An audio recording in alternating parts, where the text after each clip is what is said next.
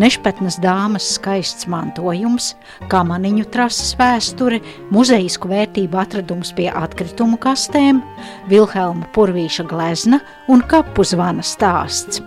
Tādus dārgumus var atrast Ogres vēstures un mākslas muzeja krātuvē.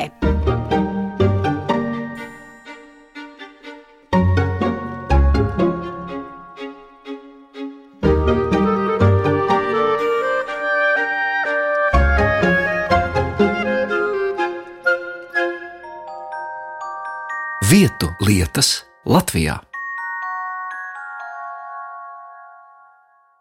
Pirmais stāsts būs par Berkavas kapu zvanu. Savulaik lietu ikšķilas kaparāmurā jeb vara kaltuvē. Un šeit mēs atnākam uz sadzīves priekšmetiem mm -hmm. un uz metāliem, uz metāla priekšmetiem. Ja? Iedomājāmies, ka šis zvans varētu ļoti. Arno, varbūt mēs viņu varam uzlikt uz galda. Es paņemšu. Varēs, ja? Cik tas zvans sver? Nu, tas svārs nezinu. Nē, esam svēruši, man liekas, bet nu, Liels. patiesībā gadsimts jau uzrunā, vai ne? Jau uzrunā. 1857. gads. Ogres muzeja darbinieki, galvenais speciālists vēstures jautājumos Arno Smiltnieks un muzeja pedagoģe Jāna Iesalniece Pikše uz galda uzceļ metāla zvanu, dekorētu ar vīnogu lapu rotājumiem, un atklāja, ka līdz šodienai ir saglabājušies tik divi kaparāmurā lietie zvani. Šī raidījuma veidotāja neveiksmīgi mēģina izboksterēt uz zvana redzamo uzrakstu. UXQLIN. Lībiešu valodā skūl pirmais ciems. Un es te burtoju un domāju, kas tas pa UXQL. Jā. Kauns, kauns, nē, nu, es neesmu lībietis. Tas jā, tā kā ikšķile. Ikšķile, jā. Zvans ir lietas ikšķilē, ikšķiles. Kaparām, Ka- ka vara Lietuvē. Parāmurs, nu kapars, nu, var, vara Lietuvē. Viņš ikšķelē lietas, tā kā vairāk kā tāda Latvijā nav saglabājušies no, tā- tieši no tās Lietuvas. Mūsdienām, cik zinām, ir divi šādi zvani. Ir šis, kas atradās ne pašā ikšķelē, bet pāri Daugavai, tur ir tāda Berkaus kapsēta. Viņš bija tur. Un otrs ir lielāka izmēra zvans, kas ir lietas čils vecai baznīcai. Nu, tā baznīca, kas patreiz ir Daugavas salas, Mēnārda baznīca sauc. Bet nu, līdz tam gandrīz simtprocentīgi, ka viņš ir atradies tur. Tas lielais zvans, ne šīs. Pēc tam Pirmā pasaules kara laikā, kā jau daudz zvanus, veda ārā uz Krieviju, evakuēja. Un eh, pēc tam viņš ir atgriezts Ikšķilē, bet jau novietots Ikšķilos kapos. Pēc tam viņi tur nelaimīgi sadauzīja, viņam bija plaisa, apmainīja pret citu zvanu, un šobrīd viņš atrodas Ikšķilos Lutāņu baznīcā, vienkārši nolikts. Un šis mazākais ir no Berkovas kapiem. Arī diezgan traģiski likteņi. Tie bija 90. gadi. Nu, tur tāda jauniešu kompānija bija tūmā uzdzīvojuši, dzēruši, un to zvanu bija no tiem kapiem norauši no to tornīša. Aiznesuši mežā, un viņš bija pakārts kokā. Nu, tad mēs viņu vienkārši paņēmām, lai viņu nenozoga, lai viņš neiet zudībā. Viņš nonāca muzejā. Un tā pati Lietuva tur nav, vai tagad pat ir klajš lauks, tur nekas nav. Tur kādreiz bija kaut kāds sēks, bet šobrīd nekas tur nav saglabājies pēc pirmā kara. Un tā kā tikai nostāst par to vara Lietuvi un, un tie pāris zvani, kas ir. Kapsēta Berkavai pašai sava, jo nevienmēr Daugavas ūdeņi ļāva tikt pāri uz patālo ikšķilas dieva dārzu. Domājams, ka tur, kur tā tagad, kādreiz ir bijuši senkapi, jo Daugavas krasta nobrukumos ir atsegušies seni abedījumi un senlietas. Kapsētiņa nav liela, jo nav jau daudz māju tās apkārtnē. Tā atrodas pašā Daugavas krastā, lielu koku pāēnā un vienmēr ir bijusi pie Ikšķilas draudzes un baznīcas. Zvanu nelielu, vienkāršu kapsētas dieva sunīti mēģināja nozagt, taču to laimējās atrast. Tā šo zvanu no Berkavas kapsētas grāmatā gājums piemin novadpētniece Vaida Villeruša.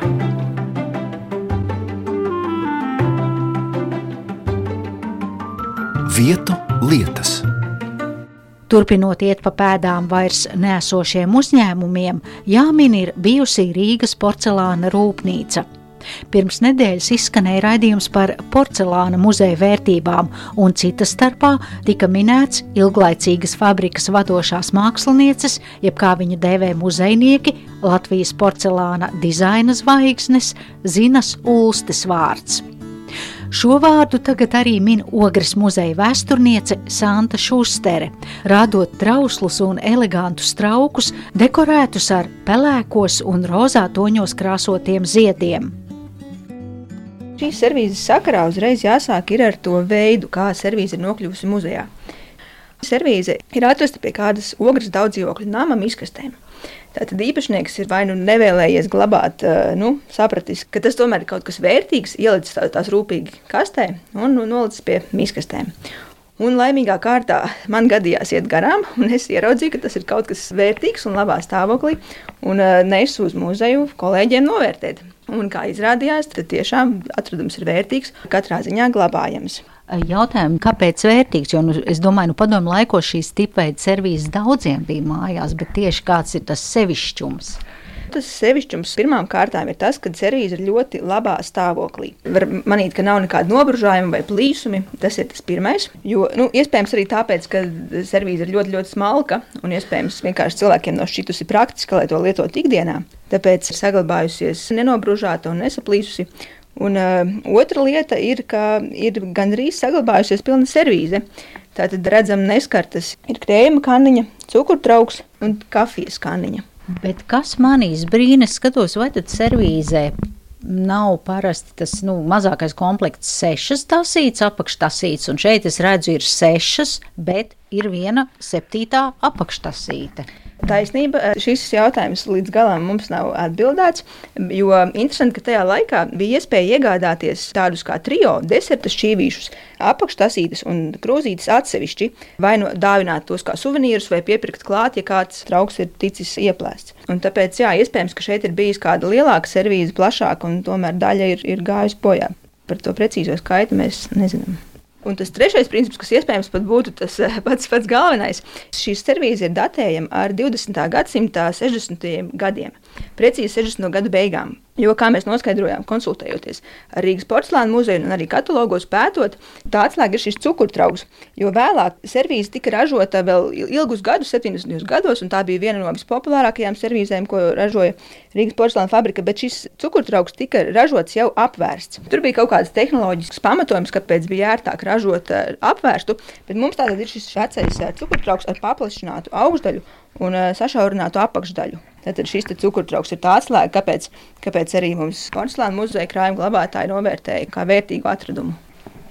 Bet, ja kāds cits būtu gājis garām izkastēm, jums pat palaimējās. Tepat nu, kaut kur pie daudz dzīvokļu mājām? Un... Tieši tā, tepat ogres centrā pie daudz dzīvokļu mājām. Un... Nu, katrā ziņā jāsaka paldies īpašniekam, kurš ir sapratis vai, vai nezinu, sentimentālu iemeslu pēc novērtējis to vērtību un ir sapratis, ka uh, nevajag izbērt vai kaut kā traumēt, bet ļoti, ļoti tiešām rūpīgi sapakot un nolikts vienkārši blakus. Servīzes formu ir veidojusi jau pieminētā ilgadīgā Rīgas porcelāna rūpnīcas dizainere Zina Ulste. Un kā piemetina Santa Šustere, tad šī servīze ar dažādu dekoru variācijām ir bijusi viena no rūpnīcas populārākajām un visilgāk ražotajām servīzes formām. Nākamais krātuves dārgums ir saistīts ar trim izcilām personībām - tēvu un dēlu arhitektiem Maksi un Vladimiru Šervinskiem un gleznotāju Vilhelmu Purvīti. Par to stāsta Jāna Iesalniece Pikše. Tas ir pare... Pareizi redzat, pareizi redzat. es burtoju, kas ir šo gleznu parakstījis, un es redzu, ka tur ir V. Purvītis. Tā ir ogres eh, muzeja krājumā. Ir šī vērtīgā glezna. es arī priecājos par jūsu izbrīnu un priecājos par to, pārsteigumu, ko redzēja mūsu muzeja apmeklētāji pirms pāris mēnešiem, jo mums ogrē bija purvīša izstāde ar 19 oriģinālu darbiem. Un eh, viena no eh, izstādītajām gleznām bija mūsu krājuma dārgums. Šī glezna nosaukums ir Citadele. Tā ir reāla Rīgas ainava, pavasaris, redzam cilvēku stāvus, māte ar bērnu. Un šis dievnams ir tagad, nu, Avesola koncerta zāli, jā, nu jā, citadeli. Ne, bet arī cik neierasti mēs esam pieraduši pie purvīša tādām dabas ainavām, un šeit mēs redzam nedaudz to pilsētu vidi. Jā. Arī ogres izstādē tas bija pārsteidzošais moments, cik purvīts ir bijis dažāds. Gan tehnikas ziņā, kā viņš ir triepienus uh, veicis glezniecībā, gan arī krāsu gammas ziņā, gan arī sižetiskajā ziņā. Ja, purvīts bija ārkārtīgi ne tikai produktīvs, bet arī ļoti dažāds. Ja? Un tās populārās gleznas ar tiem palūdeņiem, tās mēs uzreiz atpazīstam, bet Ja neredzētu šeit parakstu purvītis, vai katrs teiktu, ka tā ir purvīša glezna, es domāju, ka nē. Un šo gleznu mums pārdeva 1986. gadā Tatjana Upmane. Pēc viņas stāstītā šo gleznu Vilhelms Purvītis bija uzdāvinājis viņas vectēvam Maksam Šervīnskim. Maksis Šervinskis ir viens no jūgenstila aizsācējiem Rīgā, kā arī Rīgas amatnieku biedrības amatniecības skolas ilgadējs direktors un Rīgas 700 gadu jubilejas izstādes projekta autors. Savukārt viņa dēls Vladimirs Šervīnskis vadīja Latvijas pareizticīgo baznīcu būvdarbus. Pēc viņa projektiem uzcēla vairāk kā 25 pareizticīgo dionamus – un pagājušā gadsimta 20.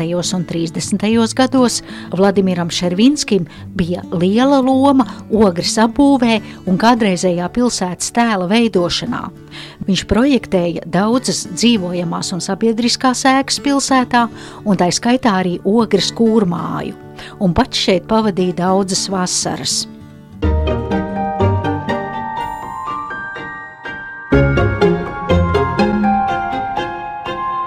Vietu lietas. Nav zināms, vai skaistums izglābs pasauli, bet skaistas lietas savulaik no nabadzības ir izglābušas Zelmu Sermus, kurai reiz ir piederējis kosmētikas veikals, un vēlāk vecumā, kad pensija Zelmai nav pienākusies, viņa ir pārdevusi gan saglabāto veikalu produkciju, gan arī savas mantas, smalkus apavus un apģērbus. Arī Ogres muzejs ir ticis pie Zelmas kundzes mantojuma. Tekstīlija nodaļa, kur meitenēm acis uzreiz iemirdzās, jo te mēs varam redzēt senus tērpus, senu laiku, smalkas mežģīnes. Un kāpēc es rādu jums tieši šos tērpus? Jūs varat stādīties priekšā, cik smalka dāma ir šādu rīta kleitu kādreiz sendienās vilkusi. Redz, kā tas ir visāds niansītas, čēlumiņi un podziņas smalkas un Veros uz sarkanu zīda rīta kleitu, krokotu plecu daļā, melnu apakli un nošūtu apakšmalu, un klausos Jānas iesalnieces pikšas stāstu par smalko dāmu, parfimērijas veikala īpašnieci, kurai viņas kristīts vārds Zelma ir šķitis par vienkāršu, un tāpēc viņa sevi dēvēja par Melitu. Melita ir skaisti dzīvojusi, līdz pienācis Otrais pasaules karš, un vēlāk padomju okupācija šo daļo vidi ir papostījusi. Tāda ļoti interesanta sagadīšanās, ka šis tas no viņas veikala precēm ir saglabājies pat ar cenu zīmēm. Tātad smalku lietu veikals, kur tika pārdots, es varu vaļā kasti, un te mēs redzam, ka ka tika pārdoti pūderi, šujamlietas, ādatas, diegi. Bet jums ir te vesels komplekts. Jā, tā ir sagadījies, tāds brīnums ir noticis, ka ir iesaiņojumos jūs redziet ar visu instrukciju, kā to pūderi kā jūs, lietot. Kā jūs kaut kas tāds tas ir viens, Tas ir viens no milzīgiem dārgumiem. Atnesa viņas radinieki. Nu, kā saka, cik ilgi tu turēsi simts gadus vecus pūderus iesaiņojumā. Bet tā kā tas nāk no veikala, tad jūs redzat, ka tas ir daudzos eksemplāros. Jā, un ka pilnīgi skatos uz nelietotām kārbiņām. Jā, un ja papēta, tad šī pūderi, tūlīt mēs skatīsimies citas kastes, ir visi ražoti Rīgā un Vācijā. Zelta papīrā ar sarkanu samta maliņām. Pūderis toka, jā. Tā kā tāda nu, miniatūra rūtīša tortes kārbiņa. Jā, jā. Koloris Vivants, pēc krāsām visjaunākais franču kosmētikas sasniegums - pūderis toka, izgatavots ar Koloris Vivants, izgatavojis inženieris ķīmiķis M. Solomonovs kosmētikas laboratorijā Rīgā Grēcinieku ielā 30. Lūk, nu paskatīsimies, kas te vēl ir. Re, un tagad ir Droši, tādas mazākas zila pūdera kārbiņas, un tas pa- kārbiņas ir no tāda samta papīra. Un virspusē uz vāciņa ir uzspiests reliefā apzeltīta tāda sieviete, kas skatās pūdernīcu. Zelta sērija, samta pūderis, ražots pēc Blanche Paris. Recepte laboratorija Ambroko Rīgā, Raņa Bulvārī 7. Cena 80 centīmi. Pie vienas kārbiņas, ko viņi pārdevusi te zīdpapīrā, ietīts labākais aizsargu līdzeklis pret locekļu svīšanu. Pulveris iznīcina tanī pašā laikā arī sviedru smaku, un tāpēc viņš sevišķi ieteicams personām, kuras cieš no kāju svīšanas. Rezultātu sasniegšanai pietiek katru dienu, 3-4 dienu laikā, apkaisīt kājas ar plānu kārtu galma manina ar vates palīdzību. Pietnos gadījumos vajag iepriekš nomazgāt kājas, un pēc tam tās labi daudz apkaisīt un bieži mainīt zeķes. Ir rakstīts dažādu miesas daļu svīšanai. Un šī lēdija patiesībā piedzīvoja ārkārtīgi traumatisku triecienu, tādu psiholoģisku. Viņa nekādīgi nevarēja pieņemt, ka viņai tā veikala vairs nav, nu, kad nāca padomju gadi. Ka viņai tika atņemts viņas dzīvoklis. Nu, patiesībā neatņēma. Viņas četrstab dzīvoklis tika um, pārveidots par komunālo. Viņai palika vairs divas istabas no četrām. Un, protams, vai viņai tādi īrnieki bija tīkami, ne taču. Viņa patiesībā padomu gados nekad nav strādājusi. Līdz ar to viņai nebija pensijas. Viņa mirra 86 gadu vecumā. Dzimusi 1900. gadā un mirusi 1986. gadā. Un kāpēc viņa ir saistībā ar ogri? Ogrē viņai Saules prospektā dzīvoja māju uzcēlis pusbrālis. Un, un viņa bieži vien atbrauc šurp uz ogri. Viņas radinieki stāsta, ka viņa bija tāda no īsta dāma. No rītiem ļoti ilgi gulējusi, tad iznākusi ārā dārzā, tai sarkanajā vakarā. Rīta kleita vai rīta kleitās. Un patiesībā viņa esot pārtikusi pēc tās pensijas dzīvodam, tirgojot šīs mantas vēl vēlākos gados. Bet tā, tik daudz ir neiztirgotas. Nu, ziniet, kā tad iedomājieties, cik daudz viņai to mantu bija. Un viņa bija precējusies ar virsnieku no Ļeņingradas toreizējās. Bet neko ilgi tā laulība neilga. Viņa atbēga atpakaļ uz Latviju. Nu, un te viņa dzīvoja, te brāļa paspārnē. Ļoti patika viņai te jogrē. Tad, kad šis virsnieks eh, dzīvodams Ļeņģeradā, toreiz Sanktpēterburgā, ir gribējis slēgt uh, citu laulību, tad tā, tā sieviete ir atbraukusi un lūgusi viņai šķiršanos, bet viņa nav devusi to šķiršanos. Nu, nešpat, nu. Bet tā viņa vientuļa tad te ir nodzīvojusi. Nu, jā, tā viņa arī vientuļi nodzīvoja. Nesot bijusi nekādīgi samierināties varējusi ar to, ka Latvija ir okupēta un bijusi padomu savienības sastāvā, kur tur ir atņemts tas veikals un ka tas dzīvoklis tagad iedots vēl kādam citam dzīvot. Nu, tas viņai ir bijis briesmīgs trieciens. Kā teica muzeja pedagoģe, tad Melitas istabas padomju laiku pieticīgajos apstākļos ir izskatījušās kā no citas pasaules. Milzīgi spoguļi, apaļi galdiņi, gleznas, kristāli, greznas lustras un paklāji. Vienmēr un visur Melita ģērbās kā dāma no 30. gadiem, kostīmos, mēteļos un platmalēs. Un tajā laikā, kad lielais vairums ziemā staigāja adītās cepurēs un lakatos, tas ir izskatījies pavisam savādi. Melita vienmēr līdz pat savai nāvei krāsoja tumšus matus, nesāja auskarus, rokas sprādzes un citas rotas lietas. Viņa meidza braukt ciemos pie pusbrāļa Oskara uz jaunogri. Parasti gulējusi līdz pusdienlaikam, bet pēc tam rīta kleitā tērpusies ir gulšņājusi dārzā. Melita bieži sastrīdējās ar citiem, jo viņai par visu bija savs viedoklis.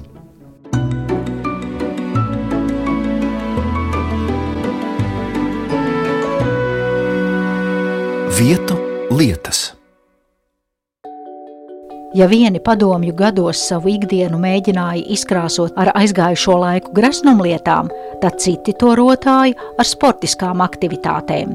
Piemēram, liekot lietā amata prasmes, apģērību un tā laika trūcīgo materiālu apjomu, lai uzmeistarotu kamaniņu braukšanas inventāru. Tātad runa ir par 1970. gadiem. Un ogrē bija viena no nedaudzajām kamaniņu trasēm, kādas bija vispār Latvijā izveidotas. Mūsu trase bija īpaša, jo tai bija piecas virāžas. Dabā aizejot uz Čēnas kalnu, pie Čēnas kalna, tur vēl tās virāžas var saskatīt. Tā bija absolūta cilvēku pašiniciatīva, entuziasms, visus entuziasmu. Šīs kamaniņas ir pašu roku darinātas, un pat ķīvere, tā ir motociklista ķīvere, pielāgota lūk, kā kamaniņu braukšanai. Jā, tur- numuru virsū ar izolācijas lentu. Ar zilo izolācijas lenti ir numurs, jā, jo te var redzēt uzrakstu Jāva motocikla. Bet nu ko var 74. gads Cēsis Ogre juniori. Jā. Te ir tāds Jā, nu nav jau, nebija jau taču toreiz nekādu vispār iespēju, nu vai tā kaut ko varēja dabūt. Nu tad jūs redzēt, cik tās ir interesanti izlocīti, tādi, kur turēties, izlocīts, stingrs, notīts arī ar izolācijas. Bet viss ar to zilo izolācijas lenti tas, tas Nu, Tā bija stiprinājums. vienīgā, jā. nu, tagad mūsdienu līdzekļi jau nav salīdzināmi. Kāda tā sēdvieta? Ādas sloksne tāda pamatīgi nogriezta un Kaut piestiprināta. kāds pie- dermatīns vai nu, Tad lūk. to cilvēks izgriezis un piestiprinājis pie tā metāla karkas. Te taču ir metināts speciāli tas karkas, mm. kā pieskrūvēts uz šitādiem, redziet, uz tādiem kā polsteriem, lai būtu amortizācija, ka tu sēdi tajā dermatīna tādā improvizētā sēdeklā. Un mums šīs kamaniņas ar visu ķiveri ir muzejam eh, vēlīgi atdevis Jānis Ešena kungs, kurš bija ogrēnietis, un viņš bija viens arī no entuziastiem. Kārtīgas te viss ir izdomāts līdz finesēm, nu cik jau nu tais laikos pašdarbībā varēja tā. Bet tie bija kamaniņu braucēji pašdarbnieki, no amatieriem. vai? Pilnīgi. Kā 1970. gada janvārī tika drukāts laikrakstā Sports, Ogrē, precīzāk pārogrē ķentes kalnā, atklāja jaunu kamaniņu trasi. Tā gan ir cēsu trases mazā māsiņa, jo garums tikai ap 250 metru ar piecām virāžām. Sacensībām trase ir pamaza, bet tā lieti noderēs treniņiem. Nāc ar no to, ko pastāst. Es pats esmu kādreiz gribējis tur sportot. Bet jūs pats ne, nekad nebraucāt? Nē, es Vai gribēju, ļoti gribēju iet trenēties, un man vecāka aizliedza. Teicu, tur nu, visi nositīsies, kakla lauzīs, un, un, un bija liels skandāls. Es tur visu vakaru tur biju bez mazliet raudāju, jā, kāpēc man nelaiž, es gribu trenēties. Un, un pēc tam drīz vien tā trasa tā pamazām, pamazām izčibēja. Un, jo tajā laikā jaunieši trenēja trīs trasē, un es arī pieteicos. Jā. Biju pat Latvijas čempionātā, un es pat redzēju tās sacensības, gājām skatīties. Var paskatīties tagad, kamaniņu sportā, kādas ir profesionāliem sportistiem. Tagad kamaniņu un nolikt šīs līdzās. Jā, Es nezinu, nu, vai- vai tajā laikā vispār svēra viņas. Tagad jau svēra, ka to, cik sportists svēra, cik kamaniņas. Jā. Šīs ir diezgan briesmīgi smagas. Viņas ir tādas pamatas, es nezinu, tur apgāzties ar tiešām varbūt maniem vecākiem bija taisnība. Ka, Nu ka, jā, tur var kaklu, ka, ka tur var kaklu laust. Tagad tas trases jau ir mākslīgais ledus, tiek saldēts. Tur bija nu, ik pa posmam bija ūdens krāns, kur atgriežot vienkārši smidzināt ūdeni ārā un uzsaldēt to trasi. Un Tajā pašā laikā, kad es, es tur gribēju kā piedalīties, tur bija arī slalom trase. Nu, to visu uzturēja bija būvplasmas rūpnīca tāda, jā, un, un tur entuziasti gan to kamaiņu trasi tur veidoja, gan arī slalom trasi. Tur bija pacēlājs, nu tāds, ne tā kā tagad iedomājās, ka ir kaut kāda va vagoniņa, jā, bet tur bija vienkārši ar trosīti piekabinies, rāķīt un uzvelk augšā. Bet, nu, bija, tur bija ļoti daudz cilvēku ziemā. Ar to arī izskan raidījums par starpkaru kosmētikas veikalu produkciju, par ziemas sportu padomi laikos, senu kapu zvanu, porcelāna servīzi un purvīša gleznu. Un visus šos stāstus stāstīja Ogres vēstures un mākslas muzeja darbinieki, muzeja pedagoģe Jāna Iesalniece Pikše, galvenais speciālists vēstures jautājumos Arno Smiltnieks un vēsturniece Santa Šustere. Raidījumu veidoja Zane Lāce Baltalksne. Vietu lietas.